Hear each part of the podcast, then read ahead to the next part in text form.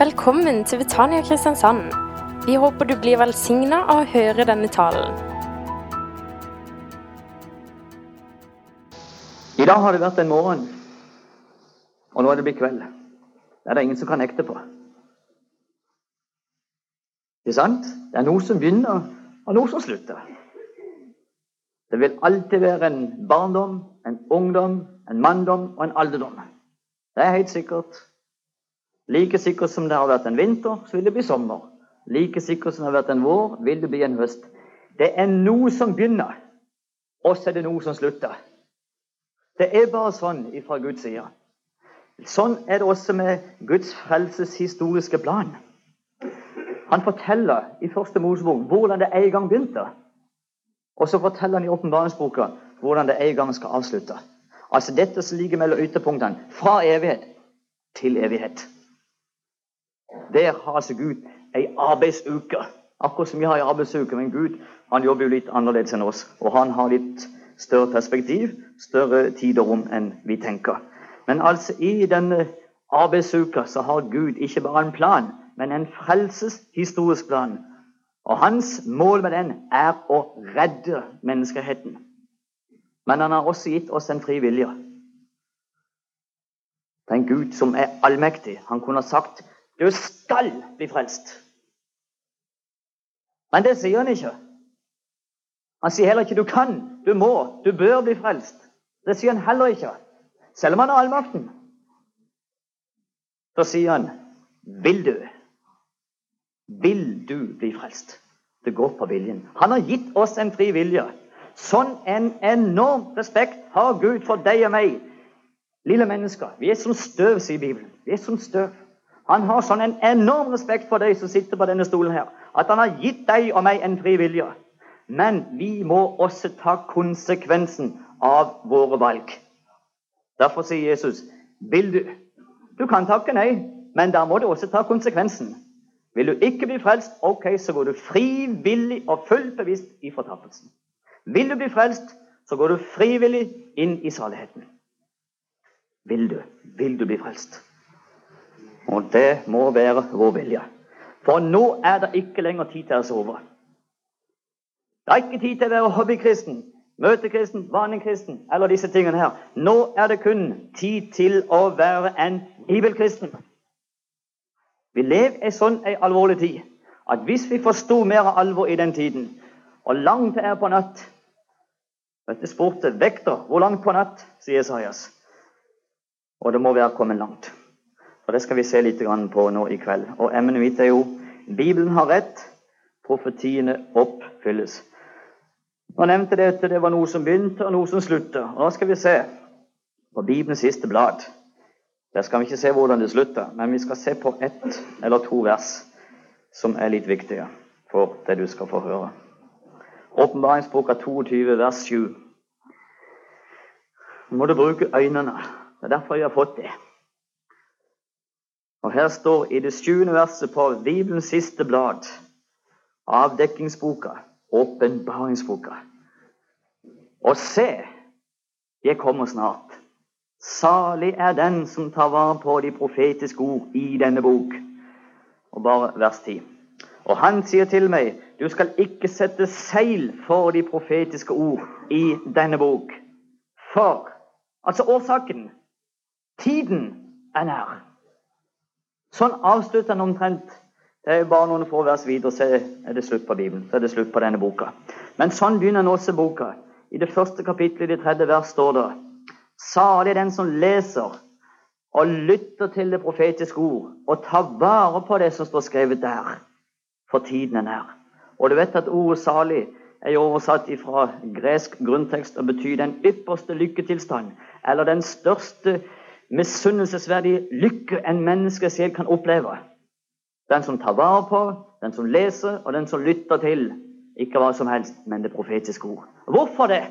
For det står i siste linje For tiden er nær.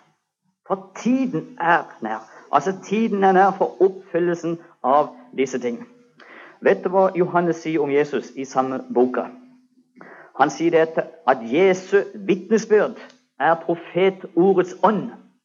Jesu vitnesbyrd. Hele hans livsvitnesbyrd, alt han foretok seg og sa sammen med sine disipler, det var profetordets ånd. Det var jo forutsagt om han. Og vet du hva? I dag, mens vi sitter her i Betania, så er det over 700 ulike skriftsteder som er i den bokstavelige oppfyllelse i Erets Israel. Altså i landet Israel. På 700 forskjellige skriftsteder i disse 66 bøker. Og det står ikke mindre enn 3808 budskap fra Javé, Israels Elohim, Herren Israels Gud, til deg og meg og til menneskeheten. Og Gud bruker hele 80% av all spalteplass i disse 66 bøker til å omtale og omhandle jødefolket. Og vi vet at Israel er Guds demonstrasjonsfolk i historien.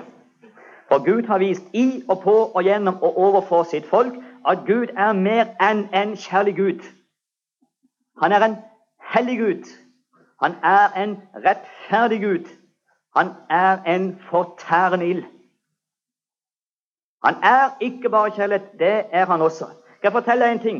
Gud han er akkurat så hellig som du møter han i loven. Så hellig er Gud. Men samtidig er han også så kjærlig som han viser seg i evangeliet. Derfor Golgata-verka. Vi må ikke eh, gå på akkord med Guds hellighet. Det er det verdenssamfunnet gjør i dag. Forakter Guds bud, forkaster Guds lover, gå på egne veier. Derfor går det som det går. Det er noe av dette vi skal se på. Vet du hva Peter sier? Jeg leste det i går. Da du drar lys på høyttaleren her. Han sier i sitt andre brev og første kapittel og 19. vers bl.a.: Akt på det profetiske ord som du akter på et lys som skinner på et mørkt sted, inntil morgendagen lyser frem og morgenstjernen går opp i deres hjerter, osv. Og, så sier han på slutten at alle de hellige Guds menn talte drevet av Den hellige ånd. Drevet av Den hellige ånd. De skrev det ned. Ikke fordi det var tanker som kom opp i de sjøl, men de ble drevet av Den hellige ånd til å få det ned. Og nå har vi fått det. Og Så sier Peter at du gjør veldig akte på det. Og hvis du vil, så skal jeg gi deg skriftstedet på det, dette som er Jesu profetiske prinsipp. Det står i Johannes evangeliet, det 14. kapittel og det 29. vers. Matteus refererer det også, men la meg bare ta med et sted. Sagt dere det før det skjer, for at dere skal tro når det skjer. Det er for at vi skal bli styrka i vår tro på denne boka. Derfor har han gitt oss det profetiske ord. Da skal vi kunne kjenne det igjen. Og når vi kjenner det igjen og ser det oppfylles, så skal dette styrke oss i vår tro på at Bibelen er Guds ufeilbarlige åpenbaringsbok. Det skal styrke oss i troen. Derfor er det utrolig trosstyrkende å, å befatte seg med en del av det profetiske ord. For du ser, Bibelen har rett. Han har rett. Profetiene oppfylles. Noe så ettertrykkelig i vår tid. Og vet du, I Matteus evangeliet står det hele 25 ganger dette hin skjedde for at det skulle oppfylles, som står skrevet hos den og den og den og den profet. Så viser Jesus tilbake hele tida. Og du vet, Matteus evangeliet er evangeliet for jøder. Det er utgangspunktet skrevet på hebraisk.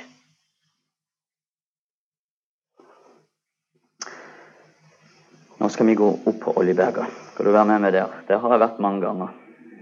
Men uh, det er holdt en tale der av Jesus som uh, alle sammen refererer. Og vi skal bare kikke litt til Matteus 24. Det er velkjente vers, eller velkjent kapittel. Hvis du, Dere som ikke er så bevandra i Guds ord, så kan jeg si det at den avskjedstalen Jesus holdt på oljeberget den er omtalt i Matteus 24, i Markus 13, i Lukas 17 og i Lukas 21. Der har du det. Du kan sjøl finne det i fotnoter. Det er henvisning hele veien. Men vi bare leser litt i Matteus 24. Jeg skal ikke bare snakke om Israel i kveld. Det går sammen mange ting med at jødene vender hjem og de forbereder Messias sitt kommer. Men her i begynnelsen av Matteus 24 Og Jesus gikk ut av tempelet og drog derfra, og hans disipler kom, ham, kom til ham for å vise ham tempelets bygninger. Men han svarte og sa til dem, ser dere ikke alt dette? Sannelig sier jeg dere, her skal ikke levnes stein på stein som ikke skal brytes ned. Vet Han talte om Jerusalems ødeleggelser, som kom i år 70. Men da han satt på Oljeberget, gikk hans disipler til ham i enerom og sa, Si oss, når skal dette skje? Og hva skal tegnet være på ditt komme og på tidsalderens ende? Der I denne gamle trettutgaven står det 'verdensende', men det er veldig misvisende. Aion, altså tidsalderens ende. Hva skal tegnet være på den tidsalderens ende? Når du kommer igjen.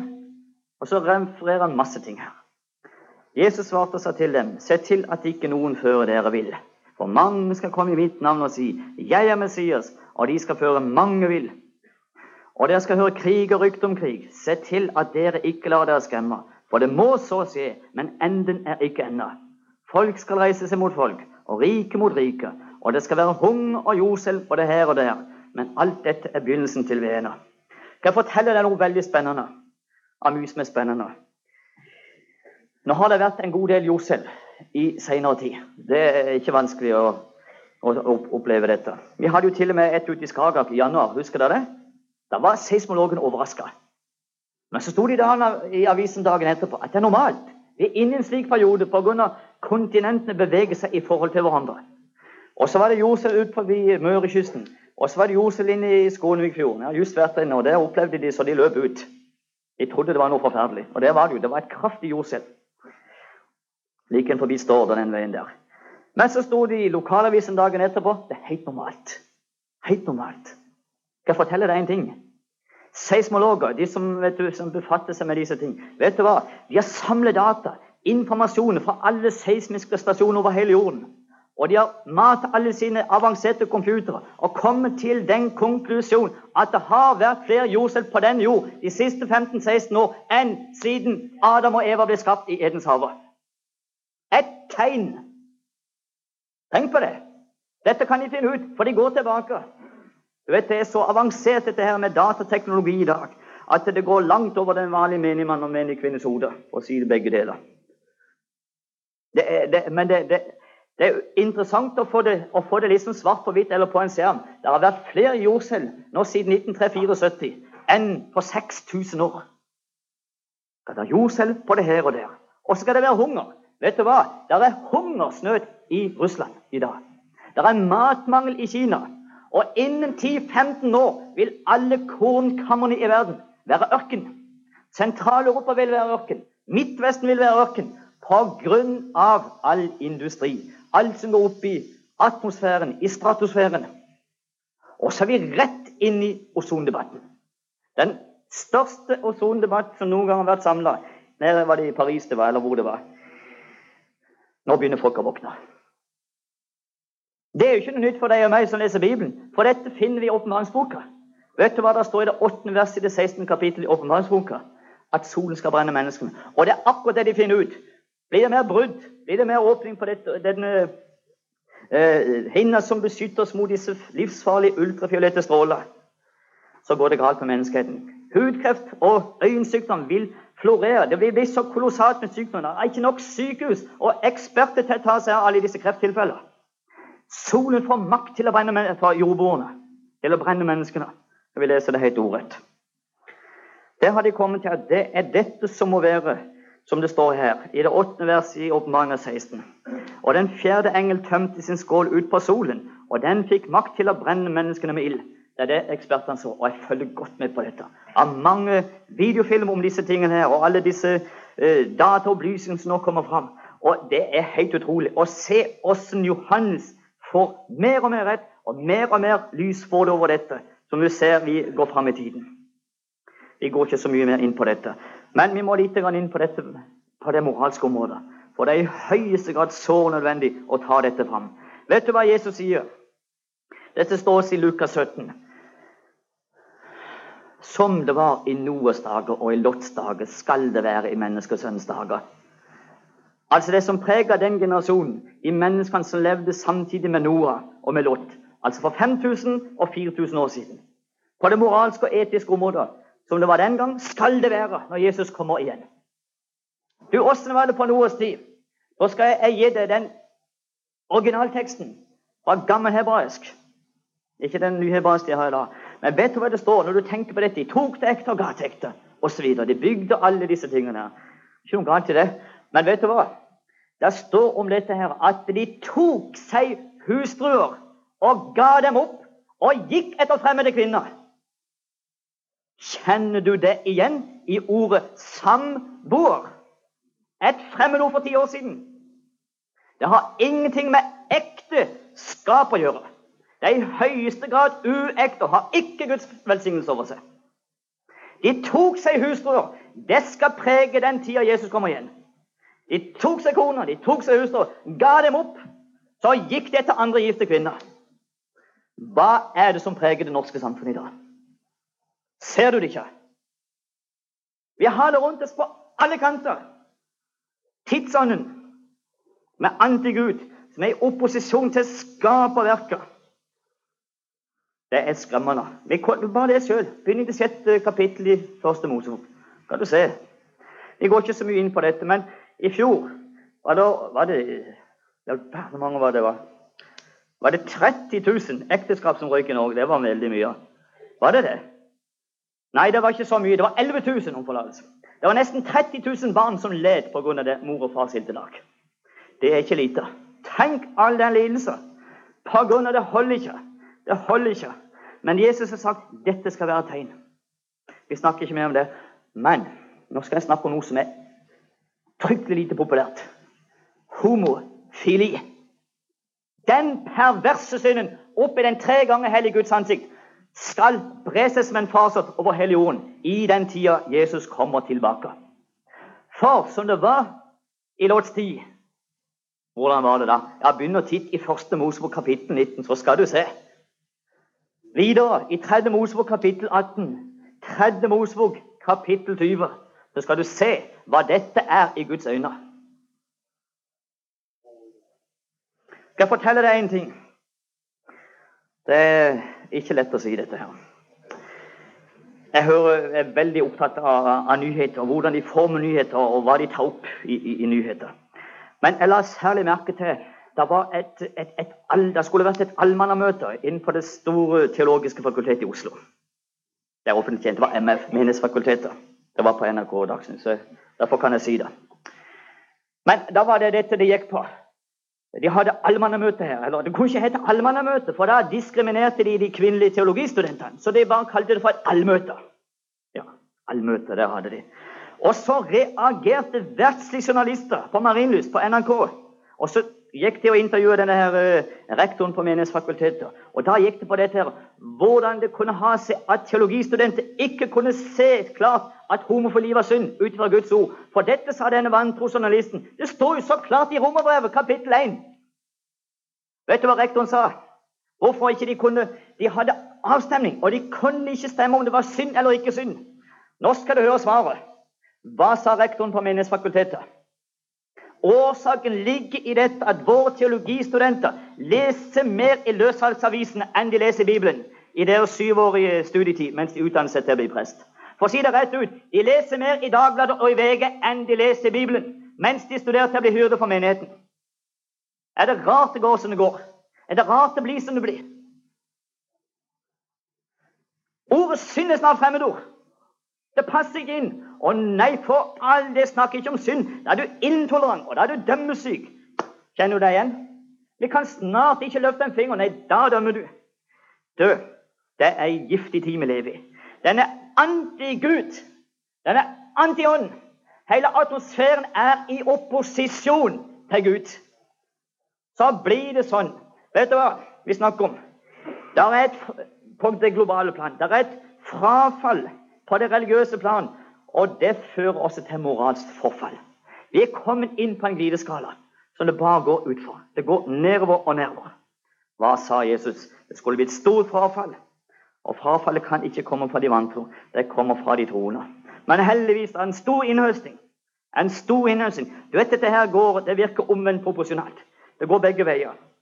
Mange faller fra og venner seg til all slags, for det sto det her. Mange skal føre vill. Og mange skal bli ført vill som vi leste her i det fjerde verset i Matteus 24. Men Det er mye jeg kunne si om dette. her, Men tenk åssen var det på Lots tid. Og skal jeg bare si det noe annet. Du vet, Lot, han, eh, onkel, Abraham var onkel til Lot. Og de bodde her. Visste dere at de var sørlendinger? Akkurat som oss. Abraham, Isak og Jakob og Lot disse her, de var sørlendinger. For de bodde i Negev. Og Negev betyr Sørlandet. De bodde her, på Sørlandet, i Israel. Og så du vet det. Men vet du hva? Det står om Abraham og kontra eh, Lot. Abraham bygde et alter for Herren. Det gjorde ikke Lot. Vet du hvor han gikk hen? Han gikk ned til Sodoma, der det var noe å hente. Fortjeneste, profitt, å få tak på. Der dro han ned. Og så fant han seg til rette ned i Sodoma og Gomorra. Og der var det så galt på slutten. Når Gud vet, Gud uh, brukte Abraham, han ville redde denne byen. og Han tinga med Gud hele veien fra 50 ned til 10. Er det bare ti rettferdige? Ja, så skal jeg redde disse byene her. Men så var det ikke engang ti stykker som var rettferdige. Og så måtte Gud dømme. Og da sendte han to engler i mannsskikkelse. vet du. Sendte de inn til Lots familier for å få de ut før Gud sendte ild over disse byer. Og da kan du begynne selv å lese hvor ille det var på dette her homoseksuelle området. For dette mannfolkene, både unge og eldre, står der. Små, yngre og, og eldre. Der står det at de, de, ble veldig interessert i disse mennene som Lot hadde på besøk. Og Lot hadde to ugifte døtre. Og de trengte på døra. De stormte imot døra de ville inn. Og så sa de til Lot eh, Send oss ut disse to mennene du har hos, hos deg, så vi kan få vår vilje med dem. Men da svarer Lot jeg har to døtre. Jeg kan sende ut de. De var ikke interessert i døtrene. De var interessert i mannfolkene som var på besøk. Og vet, det var, det var to engler. To Guds engler i mannsskikkelse. Og vi vet at hvordan englene blinda de. De slo synet deres, så de famla rundt. Men det var altså en sånn en forblinda og en pervers generasjon som Lot opplevde. Og det var så galt at Gud måtte tilintetgjøre ikke bare folk, men byene. Og enda den dag i dag fylles det for kull av stein nede i Shohar, New Sohar. Her, Jeg har kjørt der mangfoldige ganger. Vi stopper alltid å lese første Mosebok 19. Det er en gang Sodoma og Gomorra. Det er her. Bare for å vise i all sin gru og forferdelig denne her synden Og så midt oppi dette så får vi en advarsel. Kom Lots hustru i hun. Hun var bundet av de materielle ting. Hun var ikke løst. Var det det at hun brei på nakken som gjorde at hun ble til saltstøtta? Nei. Det var hjertets rettethet på de materielle ting som bandt. Og dette skulle stå som et skrekkens eksempel på endetidens generasjon. Så sier Jesus 'Kom Lots hustru i hu'. Altså Materialismen har en enorm makt på oss, som binder og knytter oss. Og dette kan holde oss igjen den natta, den dagen, den morgen eller kveld Jesus har vært og hentet sin menighet. Så vi må bli løst fra alle disse ting. Da først er vi rede til å kunne si 'Du må komme når tid du vil'. Vi skal ikke gå så forferdelig mye mer inn på det. Men jeg vil si det er mange unge her, og dere er ikke så bevandret i Guds ord. Jeg skal bare ta med ett eneste vers i Romerbrevet. For dette her er så galt. Vi vet hvordan hele samfunnet legger opp til å bryte det sjette bud. Det legger opp med norsk lov i hånd. Lev akkurat som du vil. Lev akkurat utsvevende liv du vil. Bare pass på konsekvensen. Så sett setter de opp automater på ungdomsskole og på gymnas. Og når ungdom drar på interrailreiser, så får de akkurat det samme med seg. Med Det norske helsedirektorats velsignelse for dine og mine skattepenger. Direkte oppfordring til å bryte det sjette bud. Du skal ikke drive hor.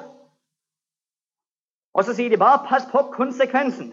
Ok, går det galt, så har vi det femte budet også vi kan bryte. Da må du nemlig slå i hjel. Da må du drive med abortus provocatus. Og det vet du er latin fosterdrap. Men hør her. Dette er et sinn, et sinnelag nå, som formørker tanken vår. Dette, det er jo dette Paulus begynner romerbrevet med. Det er utrolig å lese. Du må lese Romerbrevet 1, der du går inn på disse her tingene. Pluss de andre kapitlene nevnt. Vi skal ikke lese så mye, men vers 24, bare litt grann her. Derfor overga også Gud dem i deres hjertes lyster til urenhet, til å vanære sine legemer seg imellom. De byttet Guds sannhet bort mot løgn og æret og dyrket skapningen framfor Skaperen, Han som er velsignet i evighet. Amen. Derfor overga Gud dem til skammelige lyster, for både deres kvinner forventet den naturlige bruk til det unaturlige. Og på samme vis forlot også mennene den naturlige bruk av kvinnen og brente i sin lyst etter hverandre, så at menn drev skjenselsverk med menn og fikk på seg selv det vederlag for sin villfarelse som rett var. Og like som de ikke brydde seg om å eie Gud i kunnskap, så overga Gud dem til et sinn som intet duer. Så de gjorde det usømmelige. Og du leser resten sjøl. Det har med sinnet Altså, de er oppgitt av Gud. Det er forferdelig. Så de gjør det usømmelige. Men dette skal prege den tida Jesus kommer igjen. Som det var i Noas dager og i Lots dager, skal det være i menneskesønns dager. Og så er folk veldig opptatt Nå forlater vi dette. Kan ikke ta mer tid på det. det hele menneskeheten nå plutselig opptatt av miljøvern. Bare se de som skal søke inn på universitetene. Det er miljøvernlinjer. Det er oversøking på disse her linjer. Nå gjelder det å liksom redde skapverket. Men du, dette så jo også Johannes han satt på Patmos. Bare les Åpenbaringsboka kapittel 8 og kapittel 9, så skal du se hvilken tid vi lever i. Det tales om luftforurensning, havforurensning, jordforurensning. Alle disse tingene her. Og nå vet vi Husker i fjor sommer, i mai måned, når disse algene kom langs kysten. Da ble det rett og slett sånn uhyggestemning. Det ble en, en, uhyggelig stemning når du så disse bildene. Hvordan fisken lå der vet du, med gjeldende hvitt gap. De døde i haugevis. Og vi vet at det kommer nye katastrofer. Det blir verre og verre. For dette forurensningen bare tiltar og tiltar. Om ikke det er nok, så har de i løpet av 20 år hogd ut 25% av jordas lunger. Regnskogene i Brasil og i Sentral-Asia. Derfor kan de allerede nå forutsi enorme oversvømmelser til neste år, eller i år i Bangladesh. Hvorfor det? Pga. jordsmonn. Det er begynt en, en, forferdelig erosjon som gjør at monsunregnet forandrer seg. Og hvordan regnskyllet kommer ned og drar med seg enorme mengder høyt ut i disse enorme store delta. I fjor var det bare 25 millioner mennesker som mista sine hjem. Og vi er fire millioner i Norge. Tenk det! om fire-fem ganger så mange mennesker bor i Norge. Alle mister sine hjem bare pga. én flom. De kan forutse nye katastrofer. Og det vil bare tilta og tilta. Og det vil bli flere og flere orkaner. Flere og flere stormer. Hvorfor det? Pga. temperaturen stiger på jorda. Det er blitt ubalanse. Johannes har sett det. Bibelen har rett. Bibelen er i rute. Profetien oppfylles. Vi kunne gå i detalj, men det er det ikke tid til i kveld. Du må lese det sjøl. Åpenbaringsboka kapittel 8 kapittel 9. Der står det mye om disse ting. Men nå ser vi opptakten til det, og det er derfor Jesus sier når dere ser disse ting begynner å skje Det kan også oversettes eh, eh er i støpeskjeen eller begynner å ta form. Og det er jo det vi ser i dag. Det er jo dette miljøverneksperter så. Nå ser at nå må det gjøres noe, og nå må det gjøres raskt. Vi har tid på oss, ti år på oss for å snu utviklingen, ellers så går hele skaperverket under. Si ekspertene. Vi går ikke mer inn på disse ting. Men du, nå skal vi bevege oss inn i dette som har med Israel å gjøre. Det er vel derfor du er kommet. Men vi må ha med disse ting, for det har med endetiden å gjøre. Jeg kunne si mye mer om det, men som sagt, vi kan ikke dvele for lenger. Nå vil jeg si noe som er rett inn i politikken. Du vet, Bibelen er en politisk bok i høy grad. Det er internasjonal politikk hele veien. Du ser hvordan Gud har brukt både keiser og konger, hærfører, hele veien for å fullføre ordet sitt. Og Nå leser vi litt i Jeremias bok av kapittel 31. Da må vi ha med lite grann. Fra det første vers skal du høre. Jeremias 31, vers 1. På den tid, sier Herren, vil jeg være alle Israels etters og de skal være mitt folk. Så sier Herren, det folk som er unnkommet fra sverdet, har funnet nåde i ørkenen. Jeg vil gå og føre Israel til ro. Fra det fjerne har Herren åpenbaret seg for meg. Ja, med evig kjærlighet har jeg elsket deg. Derfor har jeg latt min miskunnhet mot deg vare ved. Enda en gang vil jeg bygge deg, og du skal bli bygget, du jomfru Israel. Enda en gang skal du pryde deg med dine trommer og gå ut i dansen med de glade. Enda en gang skal du plante vingårder på Samarias fjell, og de som planter dem, skal også ta dem i bruk. For det kommer en dag da vekter skal rope på Efraims fjell. Stå opp, og la oss dra opp til Sion, til Herren vår Gud. Vi stopper litt der. Femte verset. Jeg har kjørt så utrolig mye gjennom Samaria at vi kalte det verset for Samaria 31, 5 på 17. Altså Jeremias boka. For her står det noe merkelig. Vet du hva? Det er den nordlige delen av den såkalte Vestbredden. Her. I 19 år var Samaria jodenrein. Det var ikke én jøde som fikk lov til å bo der. Da var det ingen som kalte det for rasisme, det araberne drev med. Hele Judea og Øst-Jerusalem var jodenrein. Det var helt kjemisk rent for jøder. Akkurat som staten Jordan er i dag. Det er ikke én jøde som får lov til å bo der. Men nok om det. Så står det her at enda en gang skal du plante vingård på Samarias. Du skulle sett et digert satellittfoto jeg har hjemme på mitt kontor. Det tar hele veggen. Og det er detaljfoto. Et enormt satellittfoto over hele Israel og Libanon og Syria og Jordan og disse plassene her. Da kan du per satellittfoto se hvor Israel dyrka mellom 1948 og 1967. Og hvor araberne var da. Du kan til og med se våpenhvilelinjer via satellittfoto. Hvordan kan du se det? På infrarød film så viser det hva som har vært kultivert, og hva som har ligget bak.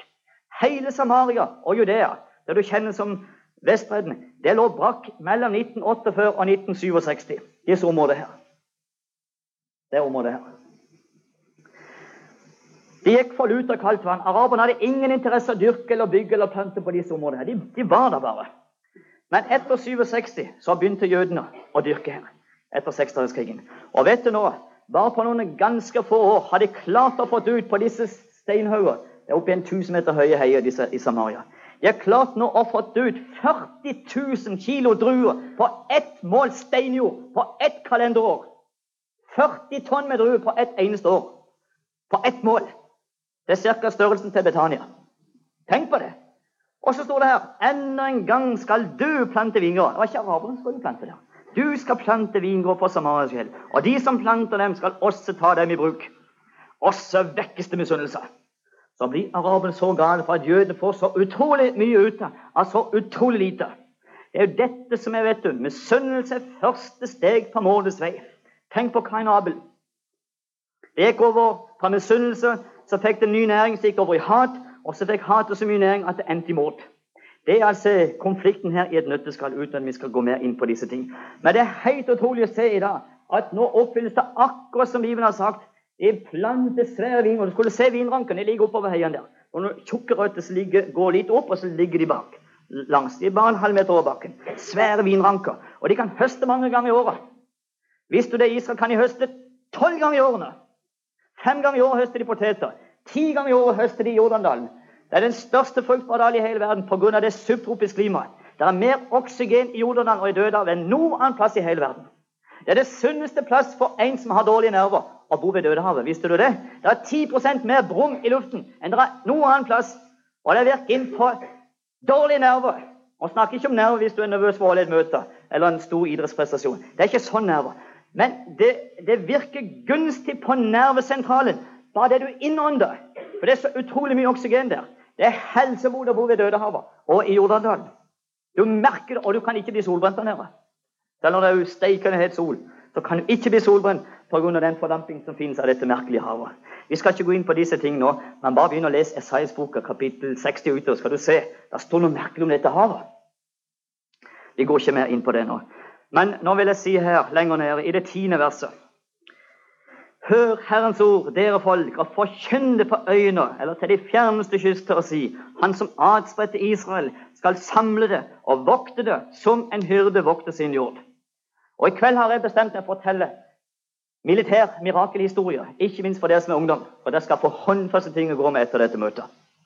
Du vet, Israel er jo et militært mirakel. Det har de toppgeneralene i Nato-alliansen Warszawapakten kommer til. At det er en usynlig makt som beskytter staten Israel.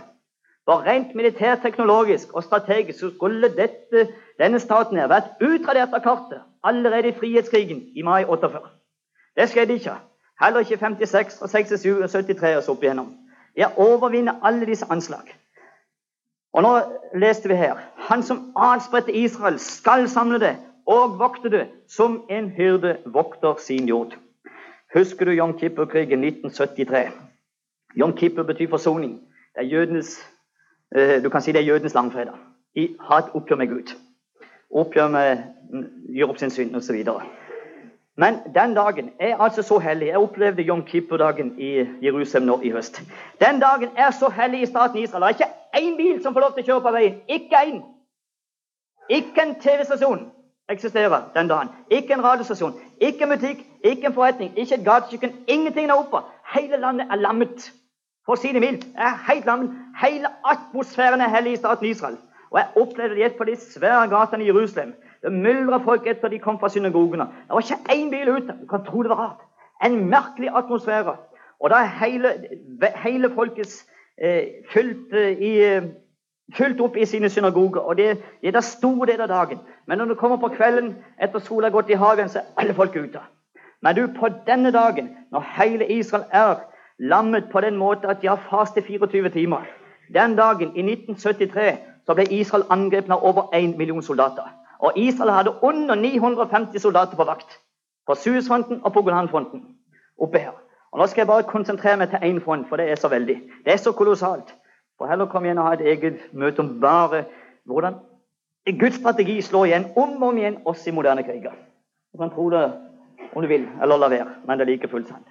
Her oppe har Israel en front som er fra Søgne til Mandal. Det er 32 km. Det er ikke stort, men oppe her Det er så lite, dette lille landet. Men der oppe det, hadde Israel eh, sitt, de har sitt ho eh, militære hovedkvarter. Og det er israelske elitesoldater som behersker nordfronten. For det er den farligste fronten de har. Vet du hva? Og Da hadde FN sine observatørposter langs hele Golanfronten på dette høyplatået her. De kaller det for Israels Hardangervidda. Det ligger et veldig sånn platå ned mot Damaskus og den veien.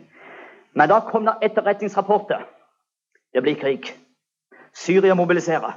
Så kom det andre etterretningsrapporter. De bare mobiliserer for øvelser. Og det var kiv avvind mellom israelske topp eh, etterretningsagenter. Det blir kjent etterpå. Derfor så valgte Golda Meir og Moshe Dayan å ikke mobilisere. Gud hadde en plan med det. Var, de valgte å ikke mobilisere før det var for seint. Hun ble ringt opp eh, tidlig på morgenen og bare fikk hun beskjed det vil bli krig. Men da var det for seint. Og da var hele dette folket Det vet ingen radiostasjoner. De måtte kun sende ut melding over synagoge på kodespråk. Så forsvant den ene etter den andre med bønnesjal, med, med synagogekledninger på oss rett til fronten. Vi skal ikke gå i detalj på disse ting, men du kan bare vite at hele folket var aller minst forberedt på krig. av alle ting. Og da ble de budsendt oppover på nordfronten og sør-vestfronten mot Egypt. Og da lå 300 000 soldater på den syriske fronten helt opp til grensa med 1800 tanks. Hitler hadde bare 800 tanks da han angrep Russland. Altså, De hadde 1000 mer på en front som er fra Søgne til Mandal. Da er det tett. 300 000 soldater i fem linjer bakover. Og Israel hadde ti mann på vakt med det militære hovedkvarteret. De hadde to tanks klar til krigsinnsats. Fylt opp med ammunisjon, med granater og utstyr. Ferdig sambandstjenester. Alt det var bare for å hoppe opp i disse tank. Og vet du hvem som var lederen for eh, Israels nordflanker? Var en erklært ateist. Trodde ikke på Gud, trodde ikke på Satan.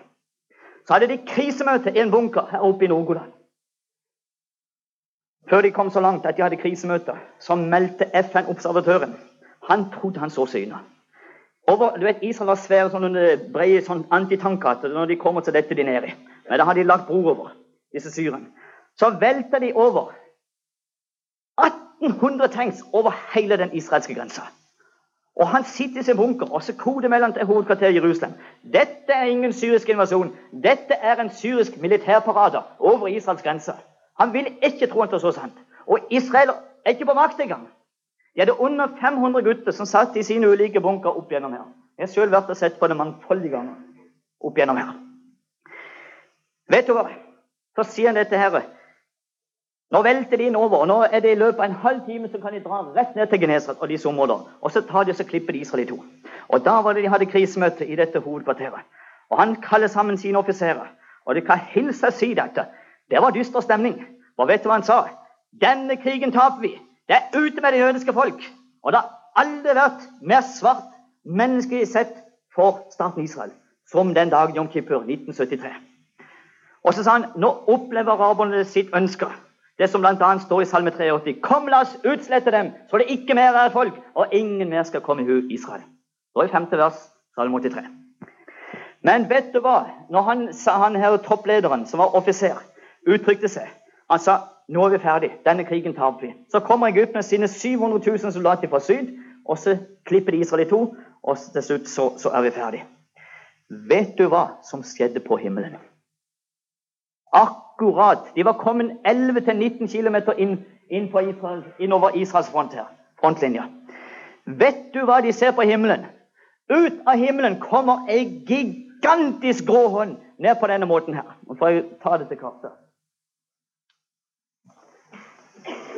En hånd som var ca. tre mil brei. Og det er, ikke, det er ikke lite hånd. Den kom ned sånn fra himmelen. Og så sier disse her ateister Det var som den hånda vendte seg og sto og trykka mot hele den syriske fronten med 300 000 soldater og nesten 2000 tanks som holdt de tilbake. Og vet du hva han sa? Det må ha vært Gud som har beskytta sitt folk. Og hva sier David? Han sa det for 3000 år siden. Se, han sover ikke og slumrer ikke. Israels vokter. Du må tro Gud følger med. Og vet du hva Esaias sier? Nå skal du få dette her helt ordrett. Esaias 54, vers 15. Eh, vers eh, Ja, det begynner der. Se, slår seg sammen mot deg, så det ikke var meg. De som slår seg sammen mot deg, skal falle i strid mot deg. Se, jeg skaper smeden som puster i kullilden og lager et redskap til sin gjerning. Og jeg skaper en ødelegger til å skade. Intet våpen som blir smidd imot deg, skal ha fremgang. Og hver tung som går i rette med deg, skal du få domfelt. Dette er Herrens tjeners arv, og den rett de får av meg, sier Herren. Du kan få tak på syriske militærjournaler oversett på engelsk. Og da kan du finne mirakelhistorien. De kan ikke forklare, for mange syriske soldater som satt mannskap opp i tegn, de ble sittende som forsteiner. De kunne ikke røre en scene i Afrikafingeren. Israelske soldater gikk opp i den ene tank etter han og plukka de ut. Og så sa de 'Hvorfor skjøt de ikke?' Vet du hva de sa? Vet du, Mange israelere snakker arabisk. De sa bare 'De kunne ikke'. Vet du hva som skjedde? Guds strategi slo til. Han skaper redsel, skrekk og forvirring i fienderekkene. Les Josefs bok. Les Dommernes bok. Menneskehetens merkeligste krig med Gideon. Han kjempa bare med 300 menn. Han sendte hjem over 22 000, pluss en masse andre. Leser det sjøl. Dommerens bok, kapittel 7. Ser, det, det, Gud er ikke avhengig om, om israelerne er veldig mange. Han har aldri vært avhengig av de mange. Det er helst få. For å vise sin allmakt. At løftene holdes, vi sang en fin sang her. Løftene de holder, ja. I høyeste grad gjør det.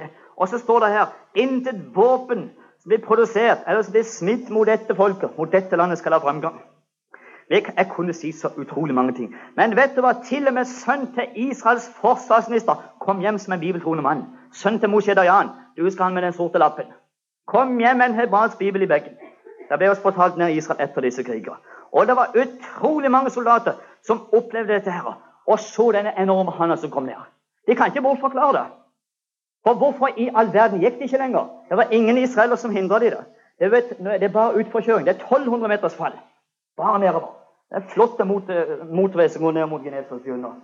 Men det, det var ingen som hindra dem. De kunne bare rase ned igjennom. Og tenk for krigsutstyr de hadde. Og israelerne hadde ikke fått mobilisert i gang. Og da skal jeg hilse og si at det sto tusen på tusen av bedende jødene, kvinner og menn ved vestmuren i Jerusalem. Hva var det de ba? En gammel, god salme. Nå skal vi lese litt om den. Salme 120 Skal vi se 124, er det ikke det? Jo, den leste de. Og du kan tro Gud hørte bønnen. Det er dette som er så enormt trosstyrkende. Å se hvordan når jødene er i nød, ja, da har de bruk for en bønnhørende Gud. Og det har også du og meg. Men det er ikke bare når vi er i nød vi må be. Men her ser du Gud. Han bøyer menneskets hjerte ved lidelser. Det vet vi det står lenger framme i Salme 107. Men her leser vi en sang altså Det er David.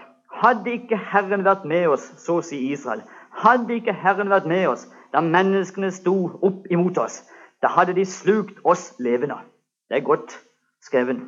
Da deres vrede var opptent imot oss, da hadde vannene overskyllet oss. En strøm var gått over vår sjel. Da var de gått over vår sjel i stolte vann. Og så kommer takksigelsen. Lovet være Herren, som ikke gav oss til råd for deres tenner.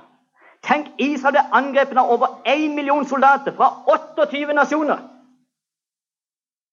Kommunistiske og sosialistiske stater som sendte sine elitetropper inn i de syriske avdelinger og inn i de egyptiske avdelinger. Går ikke mer inn på dette. Men her Lovet være Gud som ikke ga oss til råd for deres tenner. Vår sjel er unnsluppet som en fugl av fuglefangerens snarer. Snaren er sønderøvet, og vi er unnsluppet. Vår hjelp er i Herrens navn, Han som gjorde himmel og jord. Du kan tro Gud hørte denne her bønnen. Det var ikke bare med Vestmuren, men i alle synagogene satt jeg trygla ba. Og i tillegg så ba de Salme 83. Nå skal du få litt av den. Salme 83 ba litt av den i begynnelsen. Og Den salmen ber også alle i Israel hver gang araberne har toppmøte. Det vil du skjønne.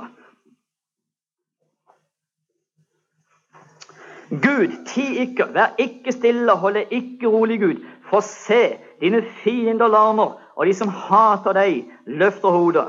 Mot ditt folk legger de med svik hemmelige råd, og de rådslår mot dem du verner. De sier, kom og la oss utslette dem, så det ikke mer er et folk. Og Israels navn skal ikke mer kommes i hu, for de har hjertet rådslått med hverandre, og mot deg inngår de pakt. Og så kommer alle disse oldtidsnavnene på disse territorier, som i dag er Egypt, Saudi-Arabia, Jordan, Syria, Libanon og Irak. Er det ikke merkelig? Hør hva det står.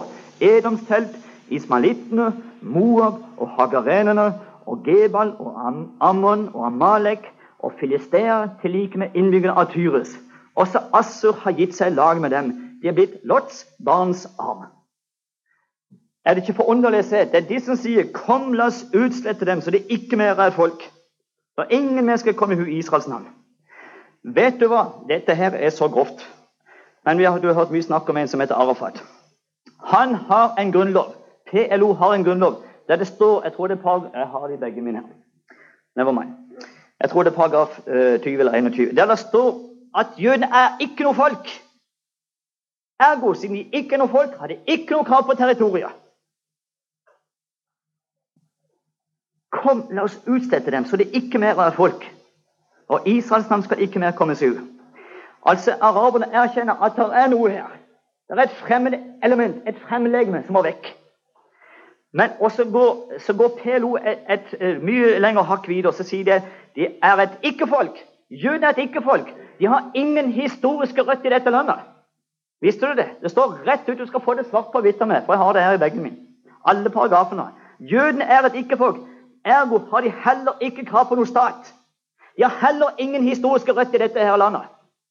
Kan du komme lenger inn i en satanisk løgn enn det nå står og sier? Og dette biter hele verden på. Hørte du talen til Arafat? Den har jeg hjemme på videofilm. Fått den analysert av ekspert på arabisk. Han sto og løy i tre timer, og hele verdensopinionen sto der. Biskop og erkebiskop og papodi i Genéve. Hva er det for noe som skjer? Dette er okkult. Dette er uhyggelig. Og vår utenriksledelse går og etterplapper denne her mannen og drar ned til Tunis og drar til Helsingfors og til Genéve og til Stockholm alle disse plasser for å møte denne her banditten. Vet du hvem Arafat er? Han har samme ideologi. Han har samme målsetting som Adolf Hitler. Vet du hvem han er? Hans nærmeste slekt var Adolf Hitlers beste venn og rådgiver i jødespørsmål under hele annen verdenskrig. Der satt de hans leilighet i Øst-Berlin i 1941 og bestemte de endeløsning. En endelig løsning på jødespørsmål, problemer. For hvordan, da må du tenke, hvordan i all verden klarte nazismen å få tak på så utrolig mange jøder? Med den tids kommunikasjon. Bare tenk åssen de brukte det. Det var et enormt apparat som var i gang. Hvem var det Hitler fikk råd av? Nærmeste familiemedlem til Arafat. Derfor skal jeg hilse deg og si det. Du må ikke tro at Yasser Arafat heter det han utgir seg for å være. Han dekker godt det egentlige navnet sitt. For han er i slekt med stormuftien av Jerusalem, Khayamin el-Husseini. Den verste tyrann som har levd i Midtøsten på 30- og 40-tallet. Og han var så skuffa på Hitler at han kun klarte å ta livet av 6,2 millioner. Bare. Målet var 11 millioner. 11 millioner skulle de ta livet av. Og vet du hva? Han var så skuffa på Hitler at sa det Hitler ikke klarte i Europa, det skal vi ordne her. Sammen med britene. Så stengte de grensene. Så sendte de jødene ut på flyktningleirer. Ut på Kypros, opp i Biskaya og tilbake igjen. Vi går ikke mer inn på disse ting. Men du skal bare vite at dette som denne her mannen nå Han får jo hele verden med seg. Hva er det for noe? Vet du hva som er læreboka i PLO? Mein Kampf. Forfatter Adolf Hitler. Det er deres ABC-bok. Jeg lurer på om Stoltenberg og Willer og Harlem Brundtland og alle disse her vet dette. her. Ja, så er de med også og får forbannelse over det norske folk. For hva var det han sa Arafat han holdt denne talen? Jo, de skulle opprette en stat på vår hellige jord. Og den hellige by Jerusalem skal være vår hovedstad. Da forløfta Arafat seg. For hva står i Sakrias bok kapittel 12, vers 2? Vet du hva det står der? Skal du få helt ordrett. Her står noe uhyggelige ting. Han forløfta seg. Han forløfta seg på denne hellige stad. Det er Guds by. Så her, i vers 3. Og det skal skje på den dag at jeg vil gjøre Jerusalem til en stein å løfte på for alle folkene. Og alle som løfter på den, skal så seg selv. Ja, alle jordens hedningfolk skal samle seg mot det. Altså mot Jerusalem. Og det er dette mennesket nå er i ferd med å gjøre. Han fikk jo godkjenning av ganske mange stater med i gang, mens det er ingen som godkjenner at Jerusalem er Israels hovedstad. Er det ikke merkelig? Det er én ambassade i, Jerusalem. Alle de andre er i Tel Aviv. De tør ikke. Du, det, det er ikke logikk i dette. her. Tenk om ingen land i verden godkjente Oslo som Norges hovedstad. Ja, Da hadde du måttet sperre øynene opp. Hva er det for noe? Dette dømmes åndelig. Dette er profetisk. Vi lever i en svær profetisk tid, og nå rotter nasjonen seg sammen mot mot dette her som vil bane veien for en verdensleder. Antikrist. Det vet vi godt. Og jeg vet sjøl så mye om denne her organisasjonen, PLO og disse ting, at de utdanner nynazister, de utdanner fascister for å undergrave det bestående demokratiet i Vest-Europa, for å bane verden, veien for en verdensleder. Arafat er med i spillet. Det visste du kanskje ikke. Han er i høyeste grad med bak kulissene. Det er nifst, altså. Og dette her er vår toppolitiker med på. Og til og med det mest kristne alle kristelige partier i Norge, ungdomsavdelinga, lederen der, vet du, han har gått fem på. Han har bitt fem på og sagt at jo, det blir ikke fred før Arafat får en stat her og Jerusalem som hovedstad. Ja, Da må man begynne å våkne, altså. Da må man våkne. Når KRD er offentlig kjent, KrFU-lederen står hårnakket og holder på dette. At det, det, blir en, eh, det er en middel for fred.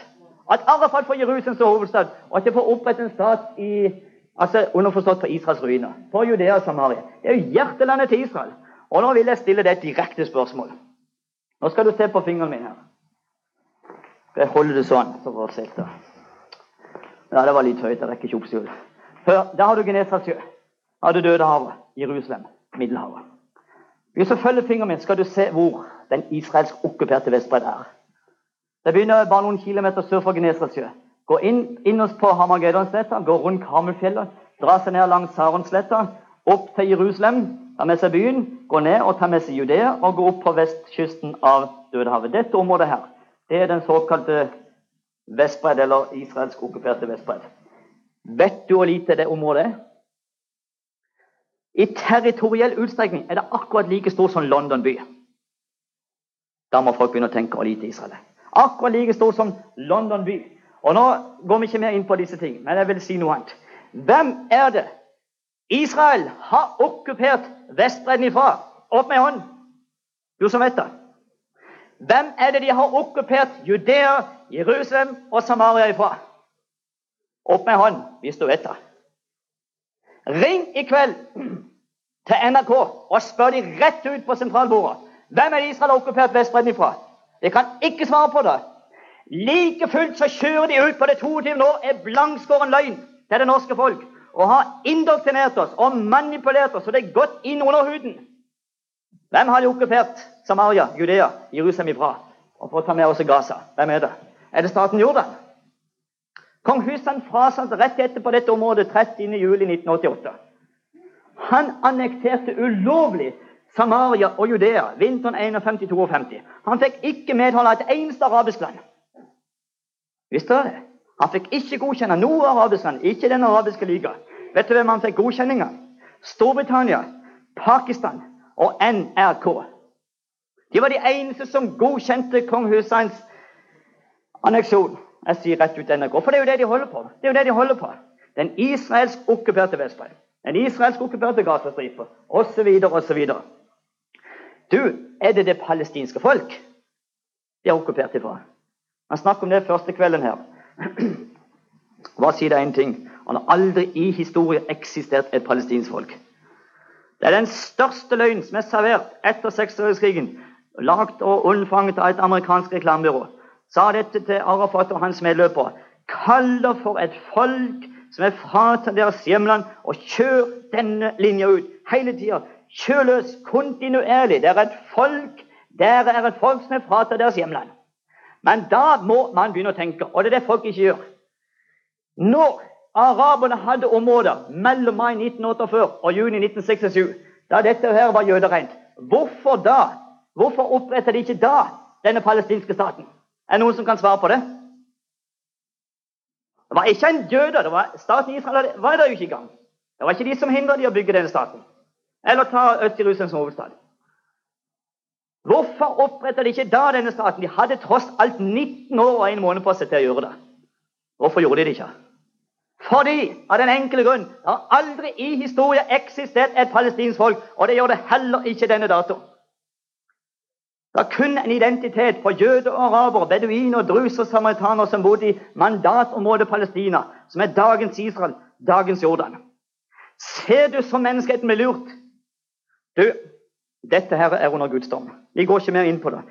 Dette er ikke den israelsk okkuperte området. Dette er frigitt område fått av Gud. Og nå skal du få det. Nå skal vi se på dette her. Joels bok, kapittel 3. Og så skal vi snart gå mot en avslutning. Nå skal du få se hva menneskeheten har i vente for dette de har pirka på Guds øyensten. Joels bok, kapittel 3. Hyperaktuell lesing. Og hva står der? Sjette vers. Det er bare tre kapittel. Det er en av småprofetene som ligger etter Hoseas og foran Amos. For se, i de dager og på den tid, når jeg gjør ende på Judas og Jerusalems fangenskap, da vil jeg samle alle hedningefolkene, eller alle hedningefolk, og føre dem ned i Josafats dal. Det er den svære dalen som går ned mot Jeriko, vet du. Og jeg vil der gå i rette med dem for mitt folks og min arvs, Israels skyld, fordi de spredte dem blant hedningene og delte mitt land, og om mitt folk kastet lodd. Og så kan vi lese hele kapittelet ut, men det har vi ikke tid til. Det er tre grunnlag Jesus en gang skal dømme menneskeheten på. Og alle tre grunnlag har med jødefolket og landet å gjøre. For det første de spredte mitt folk blant hedningene. Og for det andre de delte mitt land. Det er Guds land! Det er ikke jødenes engang, men de har fått av Gud. Det delte Guds land. De delte mitt land. Og om mitt folk kastet i lodd. Skal jeg fortelle det bare helt kort? Jeg skal ikke trøtte deg med årstall. Men de har delt dette landet i 1917, i 1922, i 1947, i 1948, i 1956, i 1967, i 1973 og i 1982 foreløpig. Har de delt på Guds land? Hva er det de holder på med? De holder på med å dele Guds land. Dette er under Guds dom. Og på toppen av det hele så kaster de lodd. Purim, som det heter på hebraisk. De kaster lodd om dette her folket. Hva var det? Nå skal jeg bare si veldig kort, for dette her er utrolig spennende. For se hvor nøye Gud er med å oppfylle ordet sitt. Vet du hva som skjedde rett etter annen verdenskrig? Da hadde verden dårlig samvittighet for jødene. Da måtte de gi dem et land. Vet du hva det kom opp som forslag i FN? De kan få Hawaii. Jødene kan få en nasjonalstat på Hawaii. Det måtte jo være fint å bo. Iallfall for Ola Nordmann, iallfall om vinteren. Jødene var ikke interessert i Hawaii. Ok, Dere kan få Madagaskar, den enorme svære øya sørøst for Afrika. Ikke interessert. Dere kan få Uganda, det fineste landet Victoriasjøen i Afrika. Ikke interessert. De var kun interessert i Sion. Og få å komme til fedrenes jord. Og så kom dette her opp under den norske generalsekretæren Trygve Lie. Det husker dere som er gamle nok til dette. Og vet du hva? Så kom det opp i hovedsamlinga i avstemning etter veldig debatter før det kom fram. I november 47, den 27. Og Der bestemte de at det må to tredjedels flertall til for at jødene skal få juridiske rettigheter til å opprette et nasjonalhjem i deler av britenes mandatområde Palestina. Og når de talte opp stemmene etter denne loddkastinga, etter de kasta lodd om dette folket, så mangla det én stemme. De fikk ikke landa. De hadde avstemt, de fikk ikke landa. Men nå må du tenke på noe som Jeremia skriver helt foran i boka si. Herren han våker over sitt ord, så han fullbyrder det i sin tid. Nå var Guds tid minner. Og vet du hva Gud ordna i tankevinningen på disse som satt i FN? Og vet du hva de bestemte? Mot intensjon, mot reglementer. Vi skal ha ny votering. Det har aldri skjedd før eller siden. At de har gått tilbake på en avstemning som allerede er avsagt. Så bestemte de innen 48 timer skal vi ha ny loddkasting, ny votering. Og mellom den 27. og 29. november i 1947 så foregikk det en politisk hestehandel mellom nasjonene som verden aldri før eller siden har opplevd maken til. De kasta lodd om jødefolka. Dette så Joel for 2800 år siden. Og da skjedde det. Etter de først hadde delt landet, ja, De har jo delt både før og siden, men ikke minst den gangen. Da la de opp svære linjaler og delte opp, så jødene fikk kun 8% av det de var lovt i 1917. Araberne fikk 92% som ikke de hadde krav på engang. Men pga. Vesten var nå var interessert i olja deres. Det er stor politikk, dette her, skjønner Men dette er profeti. De delte mitt land, og om mitt folk kastet de lodd. Dette er under Guds dom. Og dette er disse tre grunnlag Jesus bl.a. skal dømme nasjonen på. Når han kommer tilbake, så både som konge, som prest og som dommer. Han skal styre verden på Melkesedeks vis, som det står så fint i Bibelen. Og Nå skal vi ikke ta så mye mer om dette, men jeg ville bare si én ting fra Esekel 28. Gud, han er ordens Gud, og han følger nøye med. Jeg vil bare lese to vers i Sekkel 28. Du trenger ikke bla opp. Er du interessert, skal du ta kassetten. Hør her eller få kjøpt den. kapittel 28, bare to vers. 25 og 26. Så sier Herren Israels Gud, når jeg samler Israels hus fra de folk de er spredt iblant, da vil jeg åpenbare min hellighet på dem for folkenes øyne, og de skal bo i sitt land, det som jeg ga min tjener Jakob. Og de skal bo trygt der, bygge hus og plante vingårder. De skal bo trygt mens jeg holder dom over alle dem som bor rundt omkring dem, og som forakter dem. Og de skal kjenne at jeg, Herren, er deres Gud. Og i dag er det vel kjent. Jeg vet ikke kjent det. Jo, jeg sa det på fredag, så jeg skal ikke si det om igjen. Men mye av denne her intifadaen, denne arabiske oppstanden, er produsert for å dekke amerikanerne sine bloddryppende dramabehov ved ettermiddagskaffen. Det er et bestillingsverk av de største ressurssterke TV-selskapene i USA som blir servert over NRK Dagsrevy og Kveldsnytt. Masse av disse demonstrasjonene er kunstig anbrakt for å dekke dramabehovet. Tro meg eller ikke, det er dog enda sannere. Det er helt utrolig. Her sitter vi og lar oss dirigere av hva som skjer i USA for at de skal dekke dramabehovet. Og så blir dette servert som sånn er situasjonen mellom jøder og arabere. Og så er det så langt ifra sannheten som det kan være. Det er helt uhyggelig. Og Det tar, det tar tross alt nokså lang tid å komme til en demonstrasjon. For Gaza er nokså avsiden. Det er ingen som vil bo der. Og Det er så øde og, og lite fruktbart nedover disse områdene her. Og de fleste bor jo her. Journalister de bor i Tel Aviv, de bor i Natanya, og de bor i Jerusalem og andre byer. Og det tar tross alt et par-tre timer å komme ned. Er det ikke betegnende? De er der akkurat når de begynner å kaste stein. Da står de på takene. Da står de på hushjørnene. Og jeg har en egen videokassett som jeg vet ikke noen av dere har. Det er helt utrolig. Det er nemlig en kameramann som snur seg rundt. Og så filmer han en skog av kamerafolk som står der og dekker en bitte liten demonstrasjon. Opptil 800 korrespondenter dekker en frambrakt kunstig demonstrasjon i Gazaby. Dette er helt nifst, altså. Men du, Moses, har foresett noe av disse tingene. Nasjonen skal hykle på dere mens dere skrider frem over deres høyder. Og så sier Esekiel, dere, jødene, når de bygger opp landet, dere skal komme ut på tunger, på lepper og i undrykte blant folk. Og så leste vi her hva var det vi leste her? Jeg vil åpenbare min hellighet på dem for folkenes øyne, og de skal bo i sitt land. Og nå får du sett mye av dette her som kommer over kameraet, over TV-skjermene. Vet du det? At det er ikke ett land på jorda som har permanent stasjonert så mange utenlandske TV-stasjoner som staten Israel. Ikke ett land på jorda. USA har flere, altså flere TV-selskaper og flere korrespondenter og reportere, internasjonale telegramreportere i Israel enn de har i noe annet land i verden. Hva er det som gjør at Israel ligger som en magnet og trekker på medias oppmerksomhet hele veien? Det er noe merkelig, det er nesten noe mystisk. Men du, på disse måtene oppfylles av Guds ord. At vi får se det. Og så ser du hvordan Israel ofres for propagandaalter. Hele veien. Nå sier vi ikke mer om disse tingene. Jeg kunne si så mye, men nå skal vi avslutte med det positive. Og så har jeg en overraskelse til dere, som ingen av dere har peiling på hva er for noe. Ikke engang de som sitter her nede. Jeg har den bak meg, og det er ikke gitar. På ingen måte. Hør her. Vi leste litt i Jeremias 31 i stad, og det skal vi fortsette med. Det er noe som skjer på det åndelige området i Israel, og det må vi ha med på slutten. For det, vi må alltid slutte med det positive. Du vet, Det er så mye negativt, men når Bibelen har sagt det Og jeg kunne sitere masse skriftsteder. Som sagt, det er et hav å ta av det her. Det er utømmelig. Helt utømmelig. Men vi leser bare litt i Jeremias 31, 31. For dette her er i ferd med å se i dagens Israel. Se, dager kommer, sier Herren, da jeg vil opprette en ny pakt med Israels hus og med Judas hus.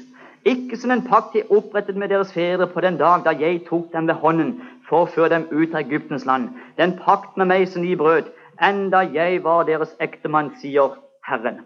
Men dette nå kommer en ny tid, dette er den pakt jeg vil opprette med Israels hus etter de dager, sier Herren. Jeg vil gi min lov i deres sinn og skrive den i deres hjerte. Og jeg vil være deres Gud, og de skal være mitt folk. Og de skal ikke mer lære hver sin neste, hver sin bror å si 'Kjenn Herren', for de skal alle kjenne meg, både små og store, sier Herren. For jeg vil forlate deres misgjerning og ikke mer komme deres synd i hu. Vet du hva som skjer på israelske verdslige skoler i staten Israel?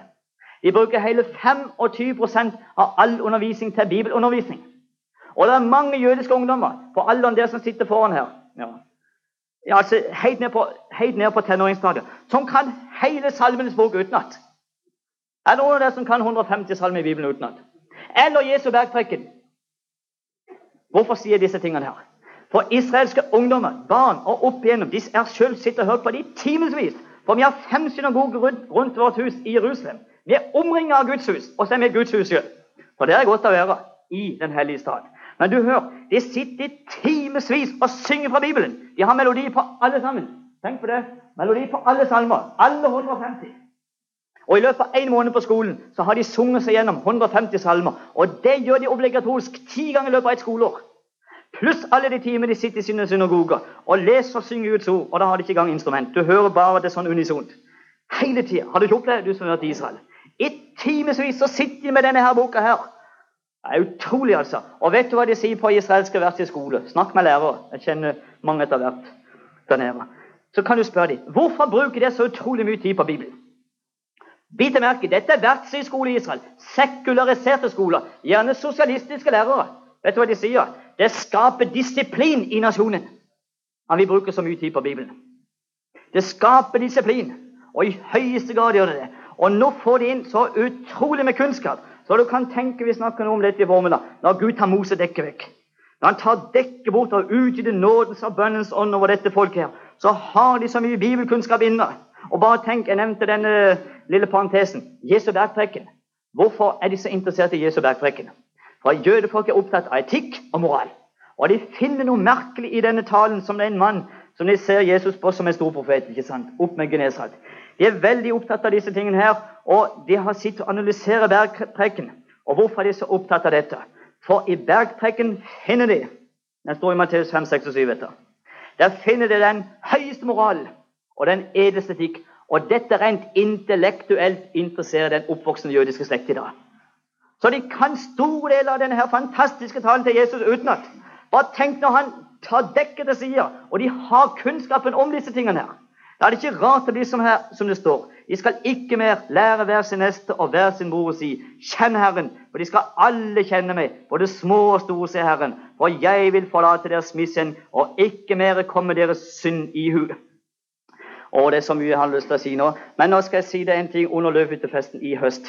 Da opplevde vi noe svært. Israelske toppolitikere. Jeg må bare ta det med på slutten. Vi var samla over 4000 kristne fra nesten 60 land. Og hva sto forsvarsministeren og uttalte? Så utover hele forsamlingen. Vet du hva han sier? Takk for forbund og trøst. Dere kristne tror sterkere på vår fremtid enn mange av oss jøder i dagens Israel gjør. For dere tror på det profetiske ord. Dere tror på denne bibelboka, som er vår historiebok. Og vet du hva borgermesteren, Teddy Kollek, sa? Ja, det er nesten ikke til å tro at det er sant. Men det korresponderer fullstendig med Sakrias bok kapittel 13, blant annet. Og det Jesus sjøl sa, da skal ikke se meg før, da ønsker vi velkommen. Vet du hva han sa? Dere kristne, så han utover hele den enorme forsamlinga. Dere kristne tror på Messias sin gjenkomst. Vi tror på han snarlig kommer. Vi tror det er samme person. Og så kommer det viktige. Og når han kommer, så skal vi ta imot han og ønske han varmt velkommen. Et hjertelig velkommen. Et baruch haba, sa han. Og det var akkurat de ordene Jesus sa. For nå skal dere ikke se meg før dere roper Baruch haba Bashem Adonai. Det er helt utrolig. Og i denne her svære løvhyttefesten så er det en diger marsj som går gjennom Jerusalems gater. De svære hovedgatene i Jerusalem. Og der gikk vi med svære transparenter og plakater sammen med masse jøder. Du kan tro det var en opplevelse. Jeg gikk med et lånt videokamera, så jeg filmer mye av dette sjøl. Men det var altså fantastisk å oppleve. Men vet du hva jødiske ungdommer gikk med på transparenter? Du vil nesten ikke tro at det er sant når du tenker på hva Jesus har betydd for jødene. Vet, det har vært et så, De har sett rødt på de har hørt Jesu navn og korset. Og de forbinder bare vondt med dette navnet av at de er drept i Jesu Kristi navn i hele vår tidsregning. Vi går ikke inn på det, men det kan du bare vite. Historie er kålsvart fra kristne viser vi jødefolka. Men vet du hva? Ungdommer opp i tenåringen før de kommer i militæret, gikk med en diger transparent på hebraisk. Og der sto det på denne svære transparenten Når Jesus har betydd så mye ute blant nasjonene, bring han tilbake til Jerusalem. Vi behøver han. Vi behøver han. Bring Jesus tilbake til Jerusalem. Siden han har betydd så mye ute blant nasjonene. Bring han tilbake til Jerusalem. Vi behøver. Vi har behov for han. Og er det for noe som skjer? Dette, og nå kan du til og med helsides annonse i de svære nyhebraiske aviser i Israel få sett helt siden annonsen at Jesus er Messias. Det er noe helt nytt som kommer nå i Israel. Og Det er skrevet over 150 bøker på nyhebraisk om mannen fra Nasaret. Er det han Esaias 53 taler om, eller skal vi vente en annen? Akkurat som Johannes han satt i fengsel. Er du den, eller skal, du vente en annen, eller skal vi vente en annen? Og vi vet hvilke svar han fikk. Blinde ser, døve høres, spedalsk blir renset, alle disse tingene. Og evangeliet forkynnes, osv. Det er noe av dette som nå jødefolket opplever, og er så utrolig Skal jeg ta med en historie kort fra en synagoge? Og dette er et mirakel av de mange. Du vet kanskje at Jesus åpenbarer seg for det jødiske folk hver eneste dag. Legemlig. I Israel. Visste du det? Nå skal jeg ta et eksempel fra en synagoge. Det er to år siden. Det er over 1000 synagoger bare i Jerusalem. Men det var sju rabbinere, altså som disse her, menighetsledere. De var samlet til bønn i en synagoge. Og mens de satt samla i bønnemøter, så ble hele synagogen opplyst av et ufattelig lys. Og midt ut av dette her lyset så stiger Jesus lyslevende rett ut med sine naglemerkede hender. Og så sier han, 'Jeg er Jeshua Hamashia'. Og så var han vekk. Akkurat dette budskapet her. 'Jeg er Jesus Messias'. Bare for å identifisere seg med sine naglemerkede hender. 'Jeg er offerlammet'. Kunne sagt det rett ut. 'Jeg er hyrden deres'. Han kunne brukt hele regla, men det er nok. 'Jeg er Jeshua Hamashia'. Jesus Messias.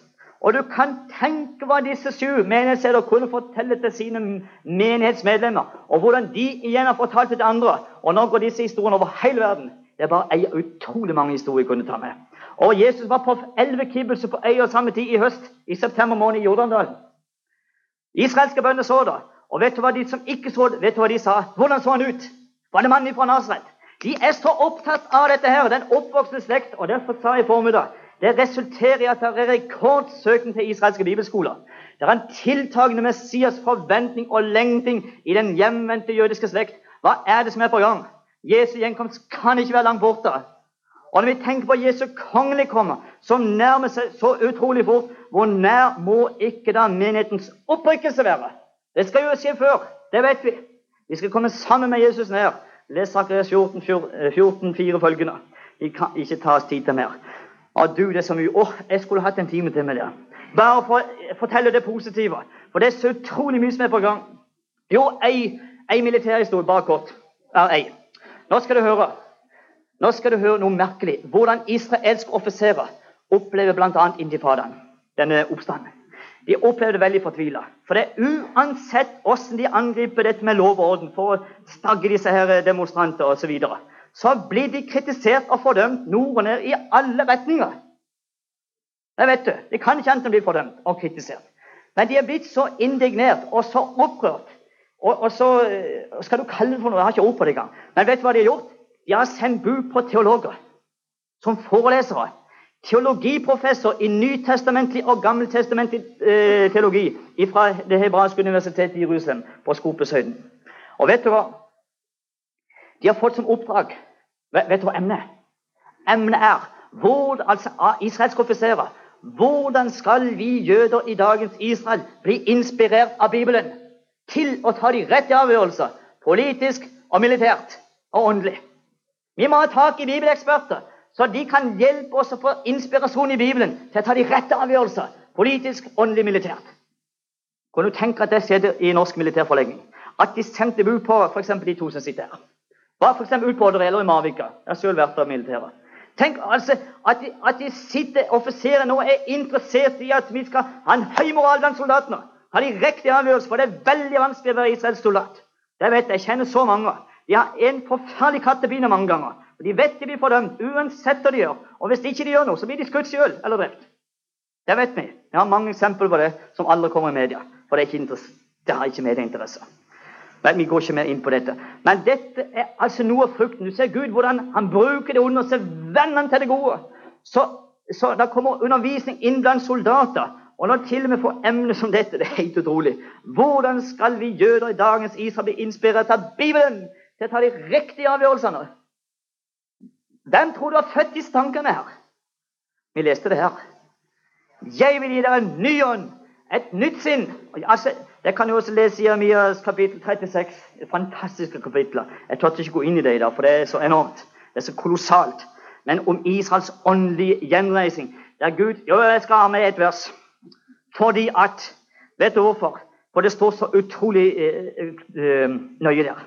Nå skal du få det helt Og så kommer jeg med overraskelse. Nå må jeg sette en strek. Du har iallfall ikke behov for å gå hjem og se på Sportsrevy og disse ting etter disse tingene du har hørt. Nå skal du gå hjem og tygge åndelig drøv på noe av dette du har hørt. Men nå leser vi her i vers 26, Esekel 36. Jeg vil gi dere Og dette her står etter de kommer hjem, hentes hjem. Er deres eget land. Jeg vil gi dere et nytt hjerte og en ny ånd med liten å. Vil jeg gi inni dere, og jeg vil ta bort steinhjertet av deres kjød og gi dere et kjødhjerte. Hør nå godt. Min ånd, det er Den hellige ånd, Min ånd vil jeg gi inni dere, og jeg vil gjøre at dere følger mine bud, holder mine lover og gjør etter dem. Hørte du det? Så Gud skal skape noe så de ønsker å gå på Guds veier. De ønsker å holde loven. De ønsker å gå på hans veier. Det har aldri sett i historien med dette folket. Derfor havnet de i Babylon. Vi vil ikke gå på veien som fører til det gode. Les Jeremias bok kapittel 6, skal du se. Men nå kommer, hva leste vi? En ny ånd Altså en ny innstilling til dette ordet her. Og når jødefolk er minda åndelig talt, åndelig nok, når de er såpass minda på dette området her, åndelig moden nok, så går Gud inn. Når han har åpnet hjertet, går han inn med sin ånd. Min ånd vil jeg gi inni dere. Inn, det er altså en åndelig operasjon fra Guds side inn i det jødiske hjertet. Og da vil jeg se at dere følger mine bud, holder mine lover og gjør etter dem. Og så går han rett inn i dette. Dere skal bo i det landet jeg ga deres fedre, og dere skal være mitt folk, og jeg vil være deres Gud. Det er håndfaste ting. Les videre hele kapittelet, skal du se. Det er utrolig å se hva som er på gang. Og jeg skulle hatt mange timer der. Det er altfor lite med fem, fem timer. Fem timer, Hvor mange har vi holdt på? Det vet jeg ikke. Men du, nå konkluderer vi at det er slike svære ting som er på gang, at nå må vi begynne å fatte og begripe. Jesus har sagt lærlingen sa fiker til. Når du ser det kommer saft i disse greiene, og bladene springer ut, da vet du! Ikke tror. Vet du hva? Jesus tror jøder i Israel. De tror ikke Bibelen. Du trenger ikke tro når du ser. De ser det. Og da vet du det. Det går forbi trostadier. Ja, med visshet å gjøre. Da vet du at sommeren er at Jesus kommer med sitt rike. Og det skal vi takke og prise Gud for. at Dette er ikke eh, lenger til dette skjer. For alt viser det. Nå kommer overraskelsen. Hør, Har du hørt om New Aids? Vi skal ikke snakke om det nå, men Paulus var veldig opptatt av det. Han holdt vekkelse i to år i Efesus. Også Du kan bli opp i Kolosserbrevet 3. Han holdt vekkelse i to år der nede. Og vet du hva? Det var noen som bodde oppe i ei bygd som heter Kolossi. De var veldig opptatt av Østens musikk, spiritisme, okkultisme alle disse tingene her, eh, stjernetydninger, eh, dette her horoskop alle disse tingene som har med grenseland, som har med det negative å gjøre. Og vet du hva? Når han eh, holder disse talene her nede, så kommer det folk ifra disse bygdene ned, ned til Efesus. Det var ikke så mange miler ned. Men Paulus han var aldri sjøl oppe i Kolossi. Men så ble han kjent med noen av disse folka som bodde her. Og Så fikk han tak på dem, så fikk han greie på hva de holdt på med, og så sender han dem et brev. Var mange, av de som ble troende når de kom ned til Efesus. når Paulus holdt på der. Det en svær by på størrelse med Bergen. Men nok om det. Og så sender han dem et brev. Og så skriver han bl.a. i tredje kapittel. Og du som er oppe her og hadde bønn fra begynnelsen Den bønnen din korresponderer helt med min avslutning. Bare så du skal vite det er korrespondanse i åndens verden. Jeg vet ikke du sitter her nå. Ja, du vet selv hvem du er. Hør her, for du sa det nemlig i bønnen din. Nå må du tenke på på dette som uh, du og vi skal være opptatt med. For her står i første vers Vi leser bare tre vers. Siste skal lese. Er dere da oppreist med Kristus, da søk det som er der oppe, da Kristus sitter ved Guds høyre hånd. La deres hus stå til det som er der oppe, ikke til det som er på jorden. Hør det, materialist! Er du en troende, er du gjenfødt, da søk det som er der oppe. Det er det vi skal hente kraften. Hente energien, hente kraften, sjelskraften. Ikke dette her som finnes på det okkulte området, på det materielle området. Alle disse tingene her som New Age har i verden. Dette her som går i grenseland, inn i åndelige, forferdelige ting som vil bli fanget av. Men er dere da oppreist med Kristus, da søk dere det som er der oppe. Og så står det her Dere er jo døde, og deres liv er skjult med Kristus i Gud. Nå skal du være på søndagsskole i siste minutt. Har aldri mitt liv vært søndagsskolelærer. Jeg vet ikke om jeg får tid til å være det heller. Det kalles for ei russisk kone. Det er noe inni denne her. Har du, du har sikkert sett sånn ei. Så er det inni her. Du er på søndagsskolen, husk det. så går vi ikke lenger. Du vet det heter du kommer til bunns.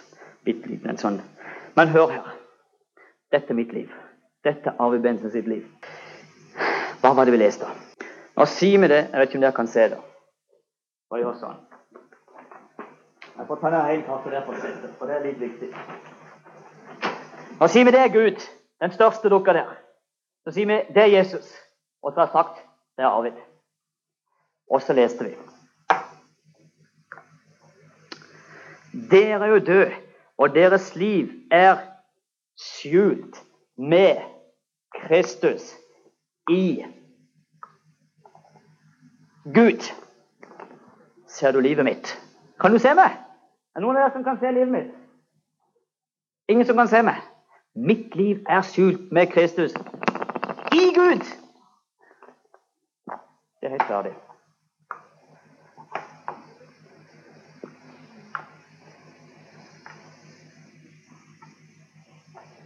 Vi gjør sånn. Omflans. Skal ha den på foreløpig litt. Du, nå betrakter Gud mitt liv. Han ser hele min fortid. Ser du? Gud betrakter nå Arvid Bense sitt liv. Hva er det han ser? Jeg er inni der, vet du. Hva er det han ser på noe? Han ser et Kristusliv. Alt som ligger bak min rygg, er et Kristusliv. Alt som er foran meg, hva er det han ser fremtiden min? Han ser bare Kristus. Han betrakter meg fra alle kanter. Han ser bare Jesus. Han ser bare Kristus. For mitt liv, Arvid Benses liv, er skjult med Kristus i Gud. Hvem kan fordømme meg? Hvem kan dømme meg? Og så er du med meg rett inn i Romerbrevet 8, kapittel 1. Nei, om forlatelse, vers 1. Så, så betrakter Gud mitt liv, og så ser han på meg. Og så sier han så er det da ingen fordømmelse for den som er i Kristus. Ingen fordømmelse. Hør, må du følge godt med. En forbryter kan bli benådet. Han kan stjele 25 000 i en bank eller en butikk, og dette kommer for retten. Han kan bli benådet av retten. Men det er ingen rettssak som kan frikjenne en forbryter. Men du er i den tre ganger hellige Guds øyne en frikjent synder. På blank nåde. For det er ingen fordømmelse for den som er i Kristus. Gud kan ikke dømme det. Djevelen kan ikke dømme det. Ingen kan fordømme det. Om ikke dette her er nok Vet du hva David sier i Salme 34? Herrens engel leirer seg rundt den som søker han. Om ikke dette her er nok, så har vi altså en trippelsikring. Først er vi sult i Kristus. Sult med Kristus i Gud. Også dine min skytsengel. Han leier seg rundt den som søker han. Har du sett på maken? Kan du følge meg i disse tanker her? Samvittigheten dømmer det og fordømmer det og anklager det. Anfektelse, alle disse tingene. Men det gjør jo ingenting, for dette Jesus lever ditt liv. Du er et Kristus-liv i Guds øyne. Du er simul justus et det skjønte du ikke, for det var latin. Det er samtidig som du er 100% i din gamle Adam, i din natur, syndig tvers igjennom, så er du den tre ganger hellige Guds øyne 100 rettferdiggjort. Og hva betyr det? Hva er rett? Ja, Det er det stikk motsatt av galt. Hva er ferdig? Er gjort. Er det ikke det? Når du har gjort en jobb, og sier du da er ferdig, det er gjort. Det er gjort. Du er i Guds øyne rettferdiggjort uforskyldt på grunn av blanke nåden, på grunn av Golgata-verket. Det er din og min stilling. Og nå skal vi slutte. Hvis du kan følge meg inn i disse tingene, så skal dette gi deg en utrolig frimodighet, en utrolig hvile. For du har ingenting å frykte alle disse fæle tingene vi har tatt opp her. Om dette som er på gang rundt oss på det globale plan, på alle områder. Du har ikke, Hvis du har tatt din tilflukt til Jesus, det er ingen for dem som er i Han. Og så har vi ikledd oss Kristus. Vi har ikledd oss altså 100 Blodet dekker 100% Og du, kan du følge med bare noen få sekunder til? Jeg bor i et nokså nytt hus hjemme i Mandal, og det er jeg ganske godt fornøyd med. Snekkeren brukte fem-seks måneder, så var de ferdig med det. Og det er så godt isolert. Jeg har trippelgass i, i, i, vinduene. Og jeg har tjukk isolasjon i vegger, gulv og tak. Og det er så godt isolert at jeg trenger nesten ikke fyre. Du, Det tok mine snekkere fem-seks måneder å bygge, og jeg som sagt, er godt fornøyd med det. Men du, nå har Jesus holdt på i 1955 år å berede rom for de som tror på ham. Hvis vi fikk et øyeblikksglimt inn i det rommet der Jesus har beredt for den som tror på ham, som venter, så hadde du dødd av glede. Du hadde ikke orket å leve lenger her. Du hadde ikke orket enda så fint det er her i byen og rundt i distriktet her. Vi hadde ikke lenger orket å leve her hvis vi hadde fått et glimt inn i det rommet Jesus holder på å berede for meg og deg. Tenk han har holdt på i 1955 år og berede rom. Det må være litt av en bolig. Og så roper vi ikke halleluja i gang. Hadde vi forstått det, så hadde hele taket gått til himmels. Hadde vi sett hvem vi er i Kristus, hvem vi er dekket av, hvem som har frikjøpt oss ifra vår synd. Vi er ikke benådede syndere, vi er frikjent. Du er frikjent. Du er kjent fri av Gud. For dette Gud ser hva Jesus livet. Han gikk imellom, og der er din i stilling. Du er dekket, du er fullkommen fri. Det er jo dette som er evangeliet, folket. Dette skal gi deg en åndelig djervhet og en frimodighet så du, ja, det er nesten farlig å være rundt det. Hvis du bruker all maktens krefter, hvis du tar Jesus på ordet og han sier 'meg er gitt all makt', jeg har ingen tvil på at det er himmelen, men også på jorden, gå derfor ut. Ut med evangeliet, ut med ordet, for tida heretter er gått. Amen. Du har nå hørt en tale fra Betania Kristiansand. For mer informasjon kan du besøke våre hjemmesider på betaniakrs.no.